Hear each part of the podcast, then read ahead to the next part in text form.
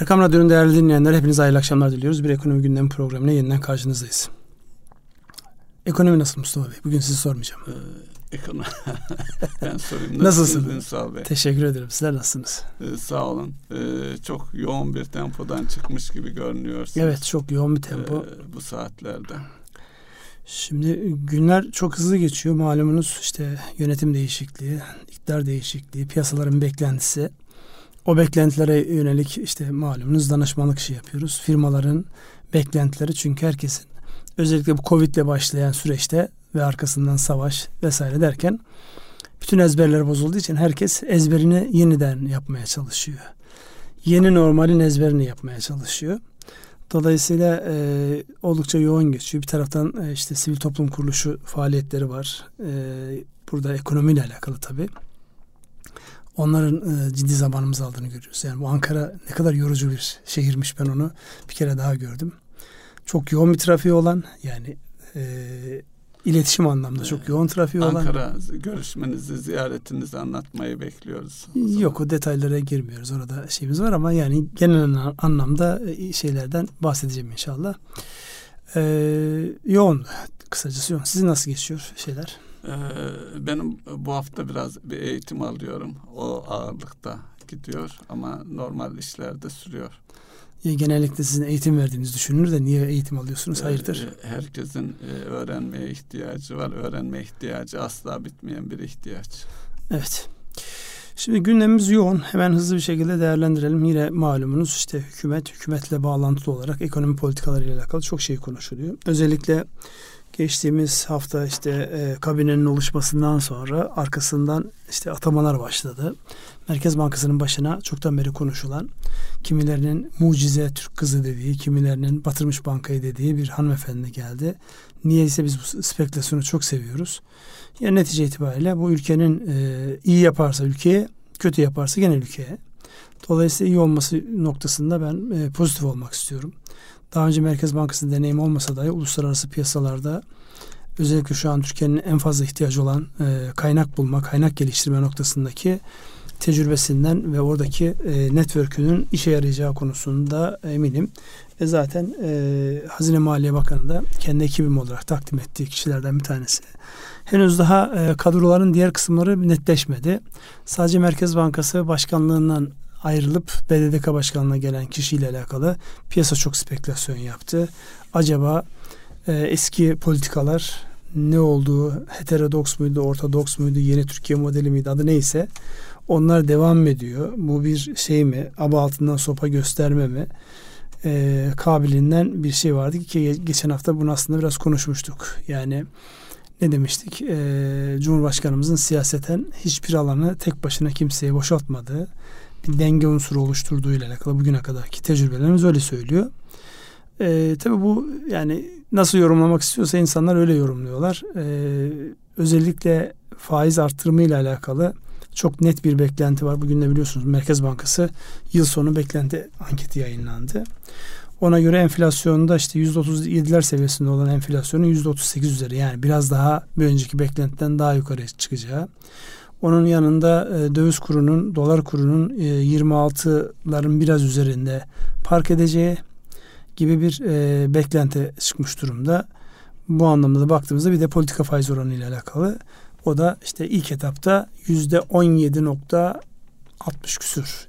Şu an ekranlı olmadığı için tam göremiyorum. Böyle bir beklenti yayınlandı. Yani ne diyor şu an piyasa? Faiz artırılacak. Kurlar bir tempo arttı. Yıl sonuna kadar arttı. Bundan sonra daha yavaş artacak. Öbür tarafta enflasyonu bizi dövmeye devam edeceği bir e, yıl yaşayacağız gibi bir mesaj çıkıyor. Siz nasıl yorumluyorsunuz? Bunu size sorayım. Ee, şimdi e, herkes önümüzdeki hafta haftada e, gerçekleşecek Merkez Bankası toplantısına kilitlenmiş durumda. Yani Cumhurbaşkanımızın e, Mehmet Şimşek ve ekibine e, ekibinin getireceği çözümü kabullenmiş durumdayız diye bir ifadesi oldu. Bundan hareketle de faiz oranının e, artacağı yani bir nevi eski ortodoks politikalara dönülecek e, şeyi oluştu. Şimdi burada e, piyasada gerçekleşen yani piyasada mevduat ve tüketici kredilerine uygulanan faizlere bakarsak yüzde kırklar seviyesine gelmiş durumda. Diğer taraftan Merkez Bankası faizinde biliyoruz bir artış olacak ama bu artış kimilerine göre tartışma e, sürüyor. E, önden yüklemeli e, tabir ettiğimiz yani ilk anda şok bir artış ondan sonra da e, e, ilk sonuçlarının hızlı alınması beklenmesi halinde e, söz edilen bir yaklaşım. Bu olursa ne olur? Bu olursa e, bu pek beklenmiyor çünkü bankaların da olumsuz etkilenme riski var. Onun yerine sanki kademeli olarak yani e, ilk aşamada 10 bin 15 bin puan e, bir artış bunun Temmuz ayında da belki Ağustos'a kadar da süreci ondan sonra o seviyelerden sonra yönünü aşağı gelişmelere göre aşağı e, geleceği yönünde.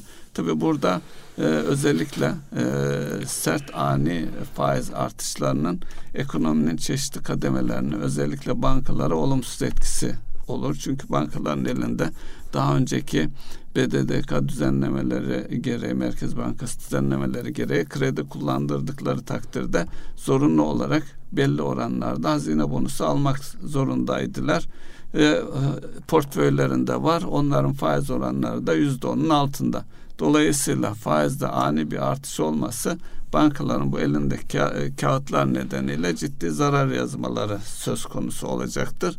Onu, onu yönetmek için yani bankacılık sisteminin herhangi bir şekilde örselenmeden bu sürecin yönetilmesi e, gereği ortaya çıkıyor. Benim beklentim de yani tedrici artacak bir e, faiz oranı uygulamasına geçileceği yönünde.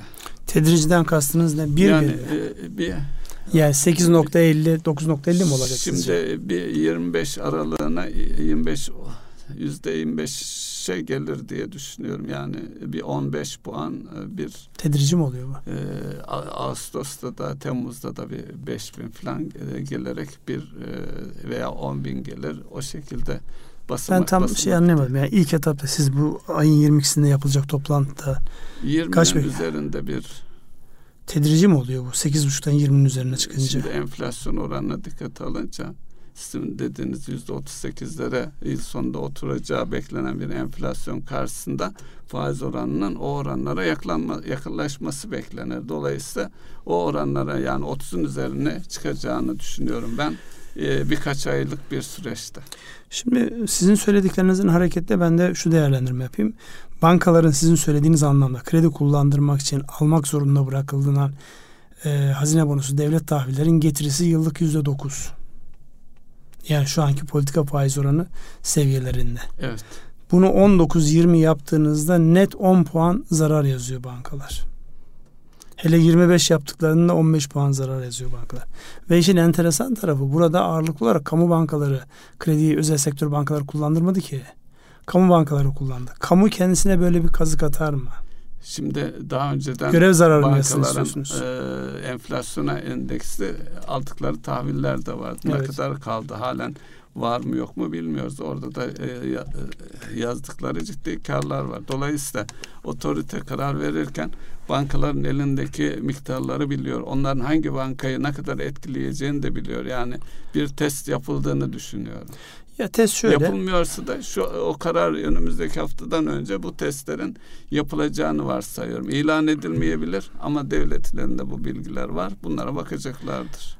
Yani burada e, tabii şunu duyduk yani bakandan bizzat duyduk. Yani bakanın ifadesi şu oldu. Etki analizleri yapıyoruz. Yani alınan her kararın simülasyon olarak bunun bir canlandırma olarak kimi ne kadar etkileyeceği, sektörü ne kadar etkileyeceği ile alakalı şu an yoğun bir şekilde o çalışmaları yapıyoruz. Buna işte duyarlılık analizi de eklendiğinde bir tarafı etki analizi, bir tarafı duyarlılık analizi yani senaryo çalışması yapılıyor. Evet. Yani buna daha önceden stres testleri dediğimiz bir başlık da eklendiğinde fakat şöyle bir realite var. E, gerçekten de özel sektör bu anlamda yani özel sektör bankacılığı bu anlamda hep çekingen davrandığı için şu an kulislerde bir kere arttırsın, şok bir artış olsun, ekonomi rayına gelsin, herkes işine baksın. Şimdi bunu kim ister? Eli en uygun olan ister. Yani e, sizin eğer şeyiniz, e, realiteniz onunla örtüşmüyorsa yani şok artışla örtüşmüyorsa ona direnebildiğiniz kadar direneceksiniz ve oradaki ben en önemli şeyin kamu bankalarının nasıl etkileneceği. Yani şu bir karardır tabii yani. Nasıl kur korumalı mevduatta kurun artışını frenleyebilmek için devlet kendi üzerine çok ciddi bir risk aldı. Yani evet.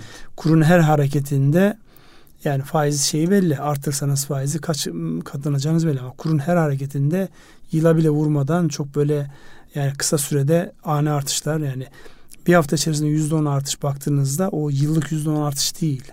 Efektif etkisine baktığınızda korkunç bir rakama geliyor. Dolayısıyla oradan zaten üstlenmiş olduğu bir yük var. Burada da e, şunu diyebilirse işte eskiden e, kamu bankalarına belli yükler taşıtılıyordu. Sonra da görev zararı yazılıp hazineden karşılanıyordu. Böyle bir şey yapılacaksa evet ama yani e, buradan da şu anlam çıkıyor. Geçmiş dönemde en zor zamanda hükümete bu anlamda şey yapmış kamu olması sebebiyle elinden gelen imkan almış, risk almış bankaları siz örseliyorsunuz. Yani hani e, sürekli dayağı kamu, kamu üzerinden de geniş halk kitleleri e, yemiş oluyor. Yani firmalara bu anlamda herhangi bir şey olmamış oluyor. Tabii ekonomi canlı tutmak açısından yani bu sizin tedrici diye söyleyip ama ondan sonra da rakam telaffuz etmeye başlayınca tedrici falan değil yani. Sizin söylemiş Makas olduğunuz oranı hiç görmedi Türkiye son 15 yıldır. Yani yukarıdan aşağı geldikten sonra o söylemiş olduğunuz oranı hiç görmedi. Yani enflasyonu karşılaştırdığınızda siz söylerken ben bir taraftan da e, yani daha büyük ekonomilerdeki enflasyon ve e, faiz karşılaştırmasına bakıyorum. Mesela şu an baktığımda Amerika enflasyonu faiz oranının altına indirmiş. %4 enflasyon, %5-25 var. Avrupa biraz burada bize benziyor. Enflasyon oranı 6.1, faiz oranı 4. Yani yüzdesel anlamda baktığında %50 fazlası yani. Evet. Böyle birebir örtüşmesi beklenmiyor. Daha büyük ekonomiler yani daha büyük ekonomiler ki bize benzeyen ekonomilere baktığımızda Gözüm Hindistan arıyor. Hindistan'da zaten ters bir durum vardı eskiden beri. Politika faiz oranı 6,5, e, enflasyon 4,25. Yani buradan baktığımızda Türkiye'nin Türkiye'ye benzeyen hiçbir ülke yok. Siz ne bekliyorsunuz artış olarak? Yani bir artış az önce e, size söylemiş olduğum yani iki etaptaki artış yani yüzde 17.60'lar seviyesindeki bir beklenti 10 puanlık bir artış yani 18.50 gibi bir şey olabileceğine dair en azından Burada niye bu önemli? Aslında rakamın ne olduğu önemli değil. Bundan sonrasıyla alakalı verilecek mesaj için önemli bu. Dolayısıyla 500 yani 5000 bas puan bir artık rakamlar karıştı. Yani 8.50 olan 13.50 olsa piyasanın beklentisini kesmeyecektir bu. Yani korkak davranıyorlar. İşte enflasyon bu kadar yüksekken muhtemelen 18,5 gibi bir rakam olacak ya da 10 puan olmasın 9.9 gibi bir rakam olsun derse bu sefer de 18.5 değil de 18'in başı ya da işte piyasanın beklediği gibi. Peki Temmuz'da 17. tekrar artış bekleyecek mi insanlar? Sizin Enflasyonun göre? eğilimine göre yani yaz döneminde nasıl geçeceği, ilave bir şey gel, gelmez ise fiyatlara nasıl yansıyacağı ile alakalı ki e, Temmuz'da biliyorsunuz bir de şu an görüşmeler devam eden asgari ücret görüşmeleri var. Oraya kaç gelecek? Orası da enflasyonu tetikleyici unsurlardan bir tanesi olacak. Yani e, toplu olarak biz enflasyonla mücadele ediyor muyuz sorusunun cevabı enteresan geliyor. Hatta gider ayak e, Çalışma Bakanı biliyorsunuz bir laf etti. dolar dedi. Bombayı milletin kucağına bıraktı gitti. 500 dolar dediği şey yani işletmeler işletme sahipleri oturup hesap yapıyor. Diyor ki yani, dükkanı kapatalım daha iyi. Bu şekilde devam etmenin bir anlamı yok. Çünkü yok yani bunu fiyatlara yansıtamıyorsunuz. Ee, böyle bir durum var. Dolayısıyla yani ben de artacağını şey yapıyorum ama sizin dediğiniz gibi 25'lere gitme. 25 dediğiniz şey 15 puanlık bir artıştan bahsediyorsunuz. Evet. Bakalım göreceğiz. İnşallah e, siz yanılırsınız. Çünkü e, yani tedirici artışta eğer 25'e çıkıyorsa zaten yani üzerine çıkmaması lazım. 25 bence tepe noktası olmalı. Enflasyon isterse e, 80 olsun. Ee, inşallah kısa sürede bu badireden çıkarız. Hangi badireden? E, ekonomi e, rahatlamaya sağlar. Yok biz adapte oluyoruz şu an enflasyonu seviyoruz herkes kafasına göre fiyatlamalar yaptığı için yani toplum olarak maalesef bu konuda şimdi ben e, hep Çin'i gözlemledim yani Çin'in enflasyon oranı Çin'de de e, sıfır ya indirdiler ama e, kaç 10 e, puan 10 bin puan mı indirdiler bir? Ya 10 bin Öyle puanını bilmem yani. Enflasyon oranı 0.20. Yani ve adamın faiz Ekonomiyi oranı canlandırmak istiyor. Faiz oranı 3.65. Neyle canlanacak? Ya hala enflasyonun 10 katından 15 katından fazla bir e, politika faiz oranı uyguluyor. Dolayısıyla yani e, şunu biz öğrendik. Yani bu heterodoks, ortodoks, bilmem geleneksel yaklaşım, IMF yaklaşımı şunu gösterdi ki e, hiçbir yerde yani bir yerde tutan bir reçete başka bir yerde işlemiyor. Boşu boşuna e, kafa yoruyor bu e, ekonominin teorik geliştiricileri. Yani e, öyle söylenen gibi olmuyor. Ezber yok orada. Bir katkı da ben yapayım. Bir yerde tutan bir politika bir süre sonra aynı yerde aynı politika tutmuyor. Örneği de Amerika zaten. Evet. Şu ana kadar ki e, pandemiden sonraki beklentiler enflasyonun geçici olacağı yönünde neredeyse 8 ay aynı yerde kaldılar. Ondan sonra dediler ki bu geçici değil kalıcıymış. O zaman biz de e, politika değiştirelim dediler. Hatta onun yansıması olarak işte ne söyleniyordu? Son faiz arttırma oldu bir öncekinde. Bundan sonra indirime geçilecek dendi. Powell'ın yapmış olduğu açıklamada ne indirimi yani? Yıl sonunda tekrar yükseltebiliriz gibi bir mesaj da geldi. Zaten piyasanın da bütün şeyini bozdu, ayarını bozdu. Dolayısıyla faizi yükseltmek de düşürmek de e, yani genel anlamda iyidir, bize iyi gelir mesaj önemli. Önemli olan kaynak akışının devam ediyor olması. Şu an Türkiye'ye kur sabit olmadığı için kaynak akışı kesilmiş vaziyette. Çünkü yabancı geldiğinde bozdurduğu kurdan tekrar alıp parasını çıkmak istediğinde ne olacağı konusunda kafası karışık. Hala karışık. Onun netleşmeye ihtiyacı var. Nispeten stabil hale geldi. İkincisi de e, Türk lirası yatırım araçlarında ne kazanacağı noktasında insanlar emin olmak istiyorlar. Orada da bir eminlik yok. Dolayısıyla ikisini yan yana topladığımızda e, yani kaynak girişinin e, olabilmesi için burada bir netleşme ihtiyaç var. Onun için ayın 22'si çok değerli, önemli. Oradaki Merkez Bankası Para Politikası Kurulu'nun metninde yer alan ifadeler önemli. Ekonomiye nasıl yaklaştıkları önemli. Ee, Bakan Bey ile görüşen herkes bugün TÜSİAD'ın görüşmesi vardı. Evet. İşte hafta başında müsait olarak bizim görüşmemiz vardı. Herkes şu, bakan çok samimi, ne yapmak istediğini biliyor. Orada özellikle vurgu yapmak istediği şey önce ekip, sonra eylem, sonra çıkıp açıklama yapma. Yani bu son derece baktan önceden çok böyle ortalarda e, çokça görünüp ne yapacağını belli etmek yerine birinci şart takımın oluşturulması. Çünkü her yerde o öyledir yani. İster e, futbol e, maçı yapın, ister şirket yönetin, ister devlet yönetin. Takım yoksa, takımda kimin oynayacağı net değilse e, sahada nasıl bir sonuç alacağınız da o kadar belirsizdir. Dolayısıyla haklı olarak şu an diyor ki benden bir şey bekliyorsanız takımımı kurmama müsaade edin. O adımları atayım. Ondan sonra eyleme geçeyim. Eylemi de böyle bağıra bağıra değil. Önce eyleme geçeyim. O eylem nedir? E, paydaşlarla görüşmektir.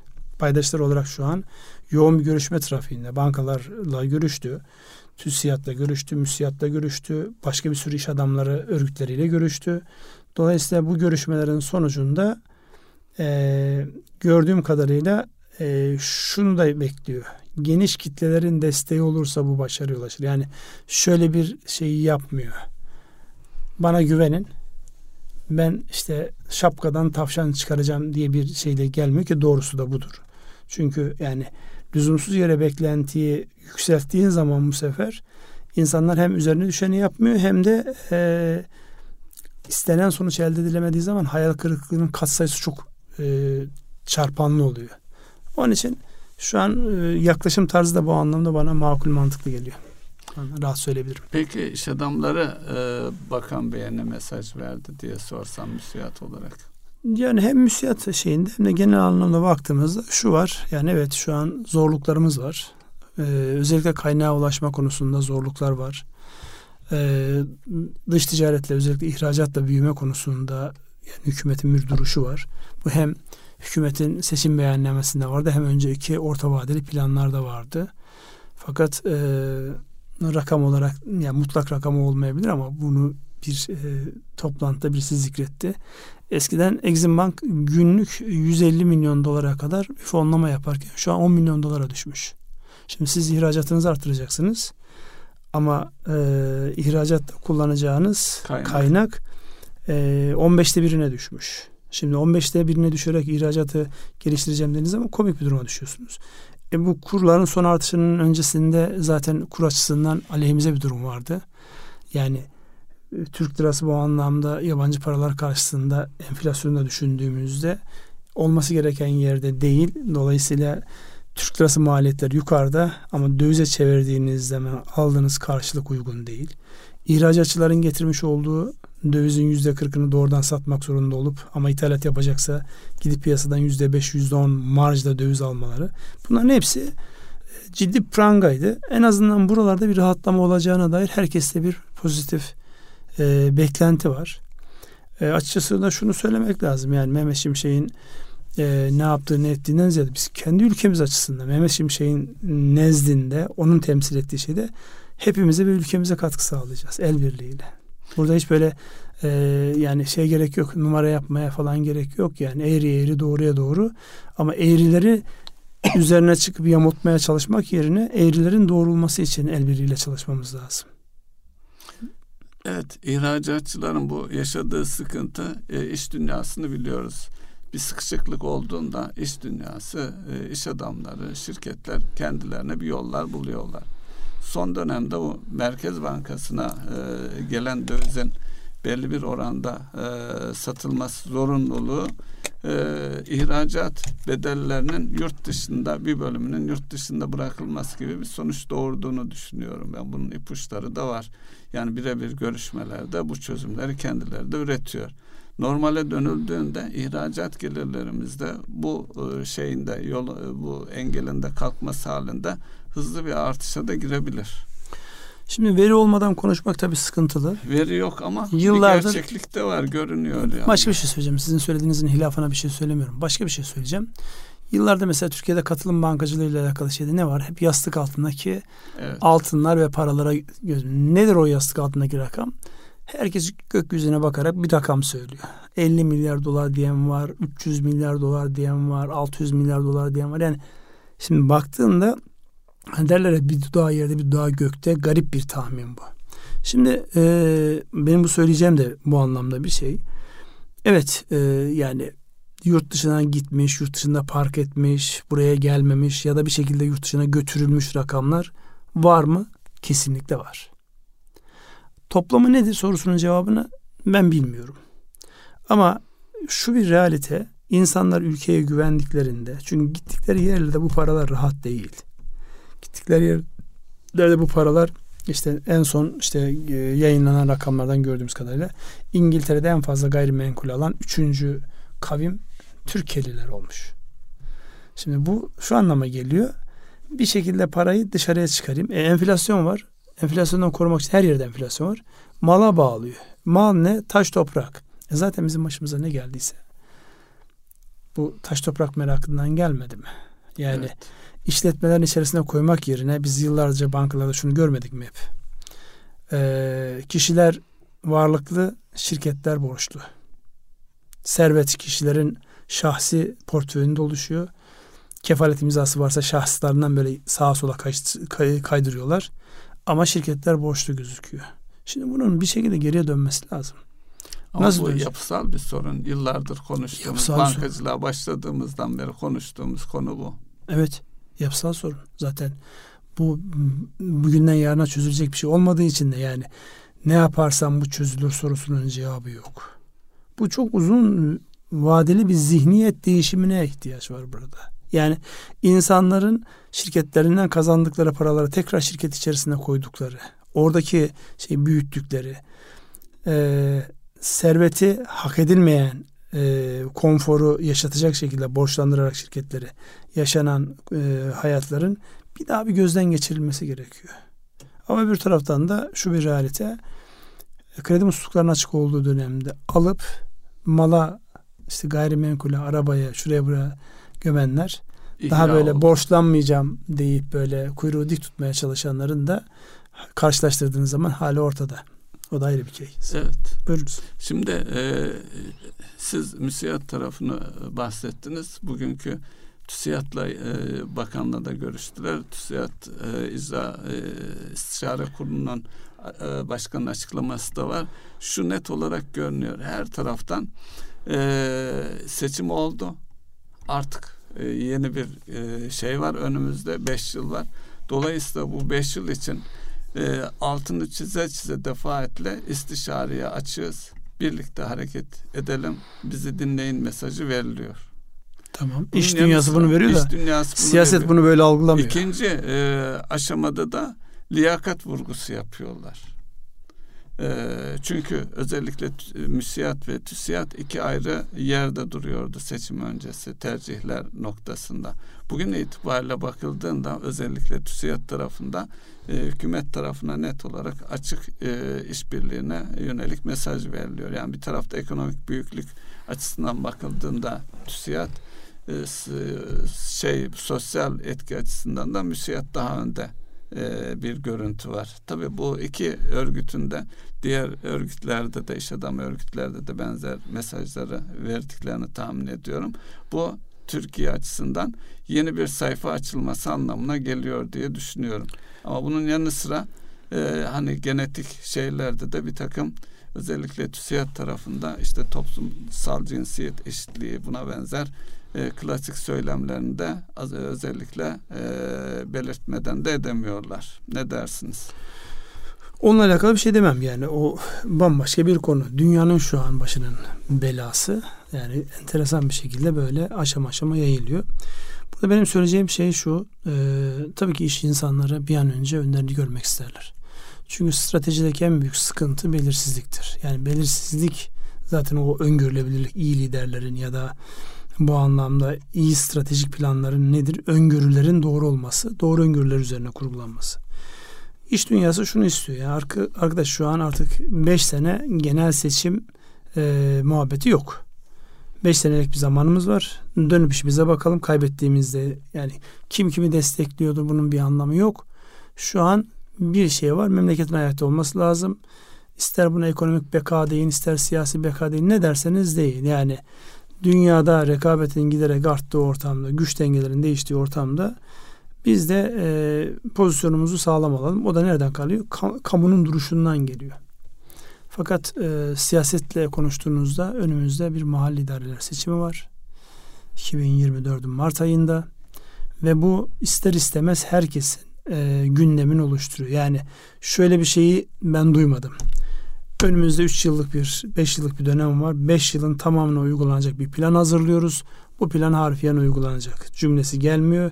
Çünkü siyasetçinin karnesi seçimlerde ortaya çıkıyor. Hele e, Cumhurbaşkanımız gibi siyasetin inceliklerinden beslenen bir kişinin seçim akşamı daha oylar sayılmamışken İstanbul'u Ankara'ya alıyor muyuz diye yani e, insanlara bunu o motivasyonu veriyor olmasına baktığınızda yani hükümet ne yaparsa yapsın İstanbul ve Ankara yani mahalli idareler seçimleri hükümetin gündeminde olan bir başlık. Sadece hükümetin değil, muhalefetin de gündeminde. hükümetin- Onlar da şimdiden hizalanıyorlar. Tamam da muhalefetin elinde kamu politikalarını, makro politikaları belirlemek gibi bir şey yok yani. Bir şansı yok şu an. Onlar kenarda gelirse bir gün sıraları sıralarını bekliyorlar. İstanbul Belediyesi'nin bütçesi birçok ülkeden yüksektir herhalde. İstanbul dediğiniz makronun içerisinde bir yer değil mi? Evet. Netice itibariyle borçlanması borçlanıyor şu an belediye. Borçlanmadığını iddia ediyor ama borçlanıyor belediye. Yüksek fiyattan borçlanıyor.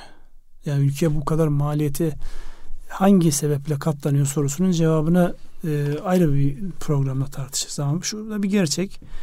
Mali idareler seçimi şu an iktidarın gündemini fazlasıyla meşgul ediyor. Zihnini fazlasıyla meşgul ediyor. Dolayısıyla sert acı reçete kabiliğinden çözümlerin üretilemesi konusunda engeller var bence. Öbür tarafta depremin yaralarının iyileştirme süreci devam ediyor. O çok ciddi bir maliyet. 100 milyar dolar demişti ama 100 milyar dolar oradaki yeniden ayağa kalkmanın, imarın, inşanın bedeli. E, kaybolan ekonomik aktivite Kayıplar, güç Evet. onları değerlendirdiğimizde o rakam daha büyük bir seviyeye geliyor. Ötesinde de şu an enteresan olan e, net rezervde eksideyiz. Hala eksideyiz. Evet. Ee, yabancılardan 262 milyon dolarlık giriş olmuş e, geçen hafta itibariyle. Bunun rakamdan öte başlaması anlamlı. Önümüzdeki hafta e, e, bir de şey e, gündemde olan e, Cumhurbaşkanı yardımcısına da sorulmuş bir soru var. Orta vadeli planın ipuçlarını almaya çalışıyor özellikle e, iş dünyası. Bu konuda bir ipucu var mı? Ne düşünüyorsunuz? Ya o konudaki ipucu bence se- seçim beyannamesindeki AK Parti'nin seçim beyannamesindeki ekonomiyle alakalı şey. Ne e, şeyden bahsediyor, heterodokstan bahsediliyor da ne yeni ekonomi, Türkiye ekonomisinden bahsediliyor. O bildik, alışık. Yani işte üreterek, ihracat yaparak büyüyeceğiz. İşte e, makul, mantıklı sınırlar içerisinde döneceğiz şeklinde yani seçim beyannamesini ifade. Şimdi baktığımızda orta vadeli planla alakalı bir kere şu anki sıkışıklığımızı çözmek noktasında faizlerin artacağı belli. Faizlerin arttığı yerde yatırımların olmayacağı da belli. Ama bir ilginç e, anekdot vardı o görüşmelerde. Faizlerin yüksek olduğu dönemlerde özellikle döviz sabit olduğu için döviz üzerinden yatırım iştahı artıyor insanlarda. Yani bizim işi, işi insanları döviz üzerinden borçlanabildiği zamanlarda o imkanı bulduğu zamanlarda yatırım yapmayı e, becerebiliyorlar. Daha cesur.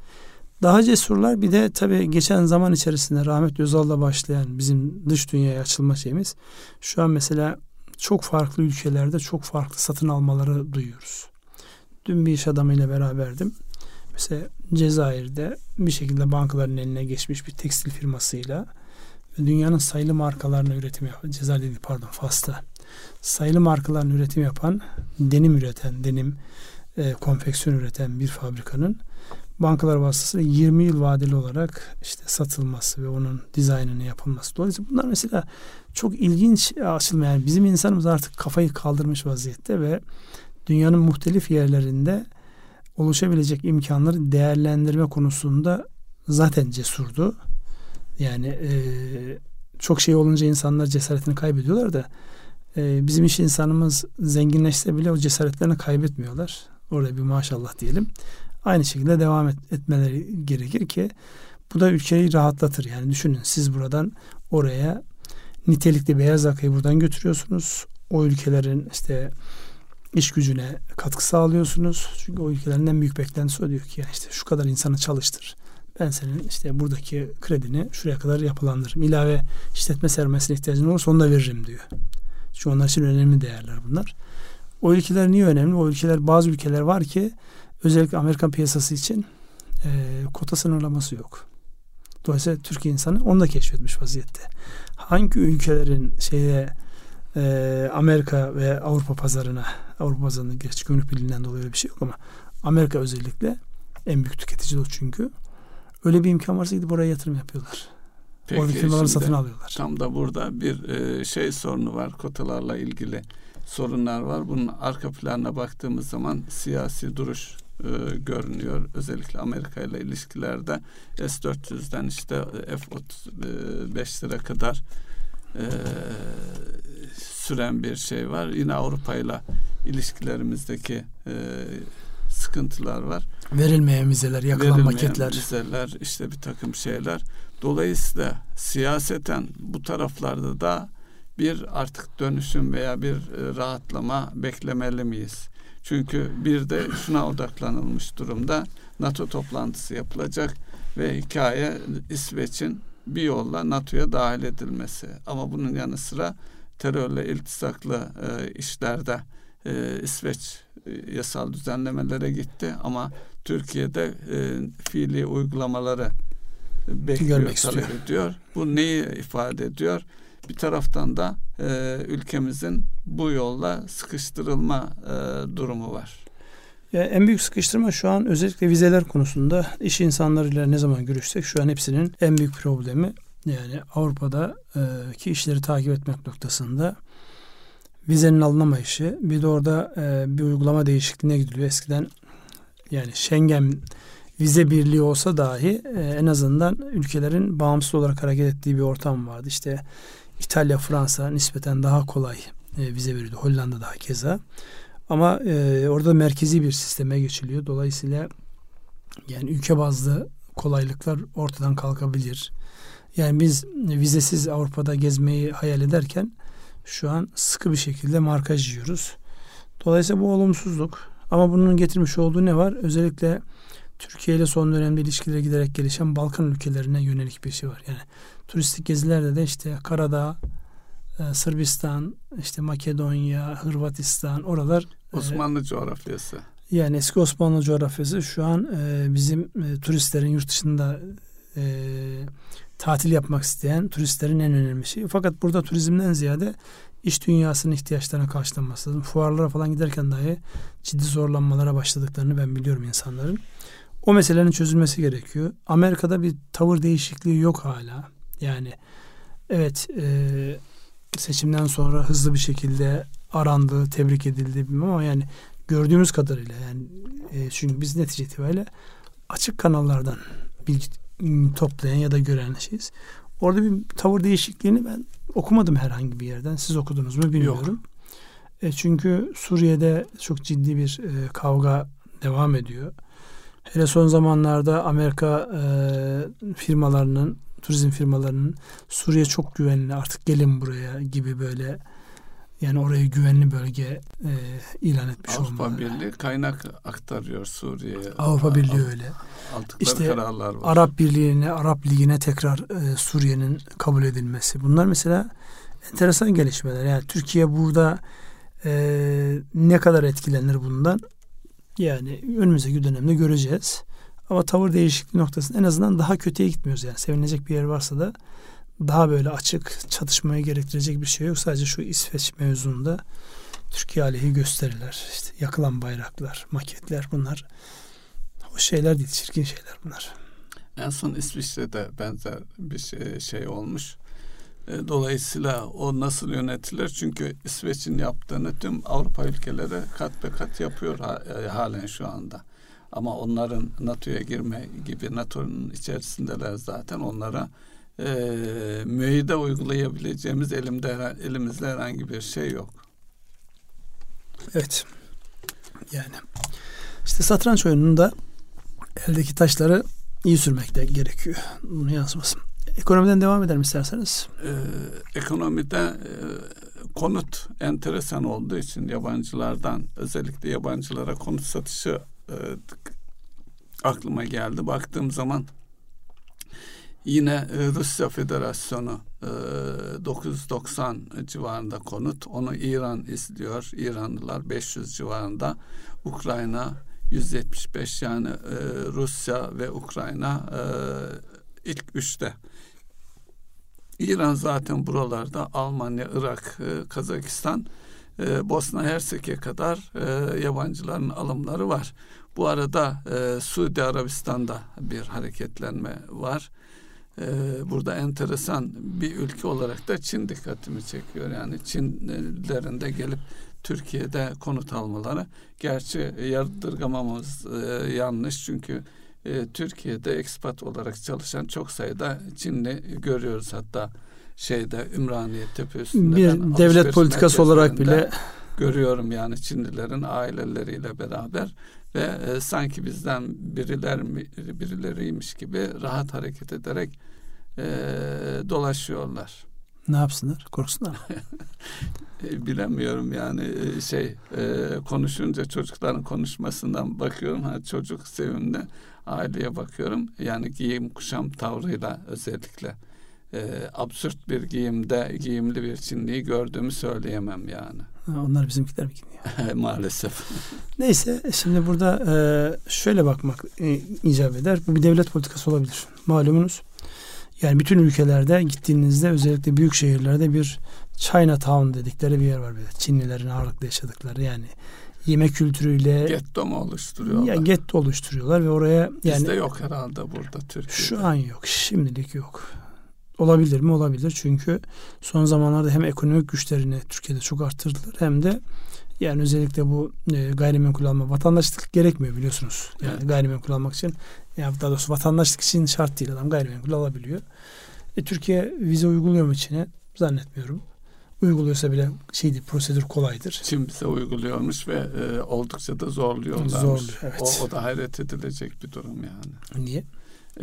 Baktığımız zaman ithalatımıza ciddi miktarda e, gerçi onlar Amerika ile kıyaslıyor olabilirler ama e, en büyük e, yani bizim açımızdan en büyük e, tamam, bizim açımızdan yani. Başka bir alternatifimiz var mı? Başka bir yerden alabilme şansımız var mı? Var ama orayı tercih ediyoruz ucuz diye yani. yani sadece ucuzluğuyla değil yani. Baktığınızda artık orası ticarete bu anlamda fazlasıyla öğrenmiş vaziyette. Evet. Eskiden e, işte hatırlayın bankacılık sisteminde para transferleri problemdi. Dil bilen kimse yok, iletişim kurulamıyor vesaire vesaire. Ama şimdi baktığınızda yani gerçekten devlet politikası olarak Türkiye'de bankalar var zaten içinde. Özellikle bu kuşak yol projesi onların olaya farklı baktığını, buna karşılık da Batı'nın da kendince bir şeyler geliştirdi ki Amerika Çin e, bugünlerde yakınlaşıyor gibi görünüyor ama çok şey değiller. Evet fark ettim e, zaman işaret ettiğinizi. Burada söylemediğimiz herhangi bir şey var mı? Çok şey var da yani e, öne çıkarmak istediğiniz. Şunu öne çıkarmak, konuşalım dediniz. E, söylemesek olmaz e, dediğimiz e, şey var. Asgari ücret görüşmeleri var. Asgari ücret görüşmeleri var. Ee, onun dışında e, işsizlikle ilgili e, konu var. Ona değinebiliriz belki.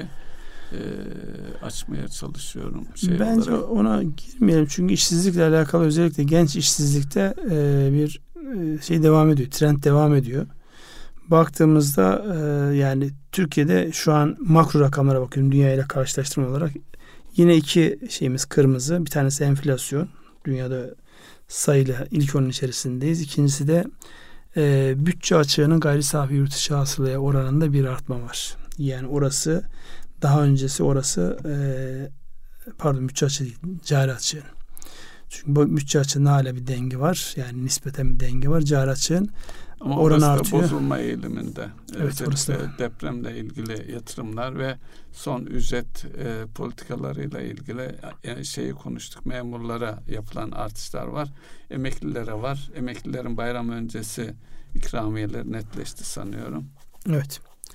Ödeme tarihleri de netleşmiş.